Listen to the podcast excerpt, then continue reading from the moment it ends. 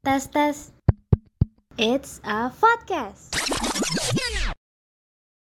Halo Communite, selamat datang di special episode video podcast Dialog Komunikasi bersama aku, Hani Communite 2022 Dan aku Aisyah Communite 2022 Ais gimana nih kabarnya? Aku baik aja sih, kalau Hani gimana? Sebenarnya aku baik sih, cuman agak stres aja nih habis uas Oh, lagi stres ya? Nah, pas banget Kali ini kita akan mengangkat tema yang menarik banget buat para Communite pasca uas Apa tuh? Di episode ini kita akan mengangkat tema horor. Video podcast kali ini dengan judul Exploring Communite Supernatural Experience, kita akan membacakan cerita Communite yang sudah disubmit melalui Google Form. Ngomong-ngomong soal horor nih ya, Hani suka nggak sih yang horor-horor kayak gini nih?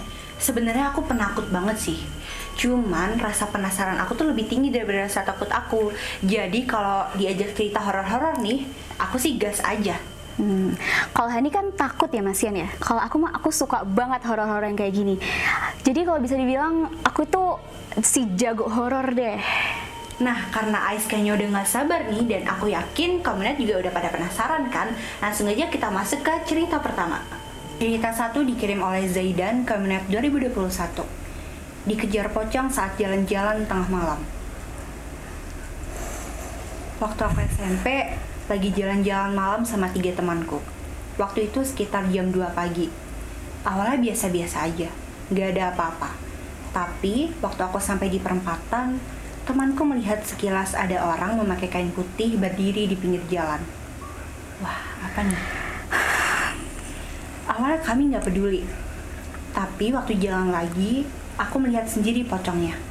Dan wujudnya benar-benar pocong lagi berdiri di belakang pohon pisang.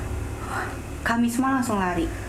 Setelah agak jauh dan dirasa aman, kami masih gelisah. Rasanya seperti ada yang mengikuti di belakang. Dan benar aja, di tengah jendela rumah seperti ada yang mengintip memakai kain putih.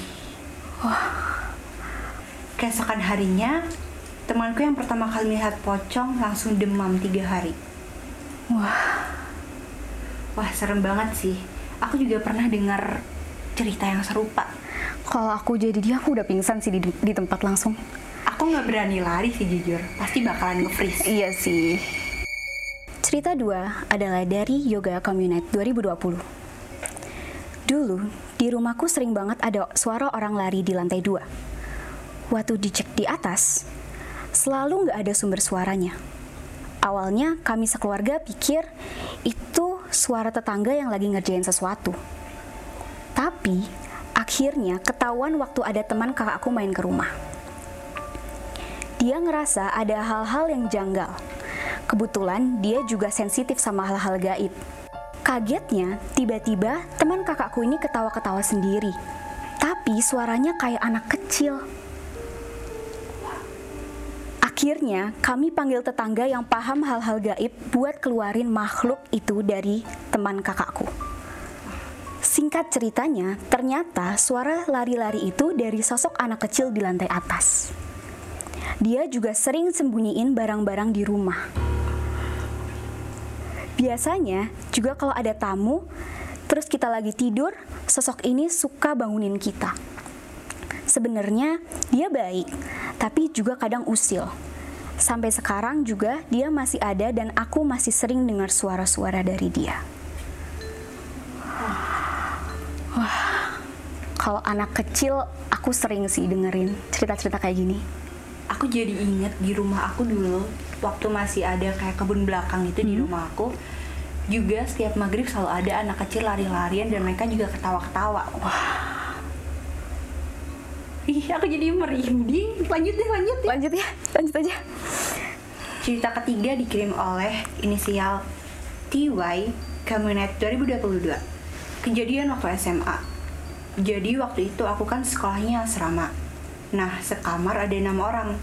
Kalau asrama kan pasti biasanya pakai kasur yang bertingkat.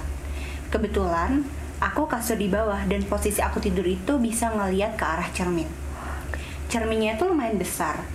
Nah, waktu itu tengah malam, teman-temanku udah tidur semuanya. Lampu kamar juga udah dimatiin. Ini pertama kalinya aku susah tidur karena gelisah. Bukan karena gak ngantuk, aku udah ngantuk banget. Tapi karena gelisah, aku nggak bisa tidur. Rasa gelisahnya kayak no reason gitu. Aneh pokoknya. Wah, kenapa nih kira-kira? Nggak tahu ya. Aku mutusin buat paksa tidur, tetap nggak bisa. Dan setiap aku buka mata, pandanganku selalu langsung ke cermin. Nah, sampai akhirnya mataku tuh nggak bisa lepas dari cermin, jadi ngeliat cermin itu terus. Karena cerminnya gede, aku bisa lihat bagian kasur atas. Lumayan lama aku ngeliat ke cermin itu, tiba-tiba di bagian kasur atas atau di kasur temanku di ujung temboknya yang nempel di tembok atas ngebentuk sesuatu yang besar, besar banget. Rambutnya panjang, hitam, bajunya putih. Mukanya abstrak banget. Wah, Kayak aku tahu siapa itu. Wujudnya bukan kayak manusia yang bentuk tubuhnya udah jelas kelihatan gitu. Tapi bentuknya tuh kayak dari sekumpulan asap terus ngebentuk sama bajunya dia warna putih. I don't know, tapi itu karakteristiknya mirip sama Miss K. Wah, Wah, dia ini cukup di mana-mana ya. iya Miss Ki. Aku sudah cerita ini ke saudara, temen, bahkan ke orang yang emang berpengalaman sama makhluk gaib. Dan katanya itu emang beneran. Sosok itu memperlihatkan wujudnya ke aku. Dan aku kan juga termasuk orang yang suka nonton channel YouTube horror. Nah, yang aku tahu wujud dari mereka itu emang bentuknya kayak dari sesuatu yang abstrak. Contoh kayak asap itu tadi yang tiba-tiba membentuk bagian rambut, baju, dan lain-lain. Pada akhirnya aku asumsikan itu Miss K. Ini merinding banget sih kalau cerita yang ini. Ya aku baru tahu jujur kalau misalkan Miss K itu bisa terbentuk dari sesuatu gitu. Selama ini aku dengerin cerita orang tuh dia langsung menampakkan dirinya gitu, entah di atas pohon atau di sudut ruangan. Tapi kamu bisa ngebayang ngebayangin nggak sih kalau misalnya tiba-tiba kamu bangun tidur gitu ya, malam-malam tiba-tiba depan kamu ada asap-asap gitu yang abstrak, terus jadi Miss K.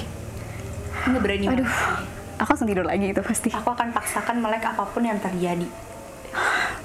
Oke, kita lanjut ke cerita keempat. Cerita keempat dikirim oleh Komunet 2021, Riz. Kejadiannya waktu aku habis rapat di gazebo Raden Patah. Kebetulan selesainya sekitar jam 1 malam. Pas sampai kos, aku baru sadar kalau kunci kos nggak ada. Posisinya udah jam setengah dua pagi. Akhirnya aku balik ke gazebo Raden Patah sendirian karena teman-teman aku udah pada tidur dan pada takut juga. Situasi di Raden Patah lampunya udah dimatikan semua. Aku cuma bermodel center HP karena feeling aku udah nggak enak. Aku telepon teman aku buat nemenin. Takutnya ada kejadian-kejadian aneh. Waktu masuk gazebo, aku udah nggak fokus karena beberapa kali dengar suara tangisan, bayangan orang lewat-lewat, sama wangi melati. Dia udah diincar nggak sih? Ini udah tanda-tanda ada gitu ya. Aku ngobrol sama teman di telepon buat mengalihkan pikiran dari situasi di sana. Untungnya nggak lama kunci kosnya ketemu. Pas balik ke parkiran, aku lihat ada orang duduk di gazebo luar dan posisinya depan-depanan sama motor aku. Tapi posisi orang itu duduknya menyamping ke arah gerbang veteran. Selama aku liatin, orang itu aneh. Wujudnya menyerupai perempuan, tatapannya lurus ke depan, duduk diam terus, nggak ada pergerakan sama sekali. Waktu itu aku ngebatin, kalau emang mau nunjukin diri, tunjukin aja. Aku tahu kamu sadar aku di sini. Nggak lama setelah mikir gitu, sosoknya nengok ke arah aku. Mukanya rata, cuma ada mulut yang posisinya menyeringai sambil ngeluarin darah. Ih, merinding. Aku langsung matiin telepon, terus ngebut pulang. Di perjalanan, aku cuma bisa doa karena takut diikutin. Untungnya aku sampai kos dengan selamat dan enggak diikutin. Wah, ternyata banyak banget ya komunitas yang punya cerita horor. Iya, apalagi cerita yang terakhir tadi itu bikin merinding banget sih. Dan aku baru tahu itu urban legend punyanya UB. Sama. Oke, terima kasih ya buat para komunitas yang telah mengirimkan cerita-cerita kalian ke channel11.com. Jangan lupa juga untuk follow Instagram channel11.com, Spotify Dialog Komunikasi, dan juga jangan lupa subscribe ke YouTube Himanika. Nah, buat nih yang hobinya pulang malam-malam, sendirian lagi. Hati-hati ya, mereka bisa aja ngikutin kamu loh. Eh, Eh, kenapa, nih? Eh, eh, Kro, tolong Kro. lampunya mati. Buru, buru, buru, cepet, cepet, cepetan. Takut, Eh, udah, udah, tutup, tutup, tutup. Eh, cepet, eh, cepet, cepet, cepet. Yuk, Aku Fani, Aku Aisyah. pamit dari Ruang Dengar Dialog Komunikasi.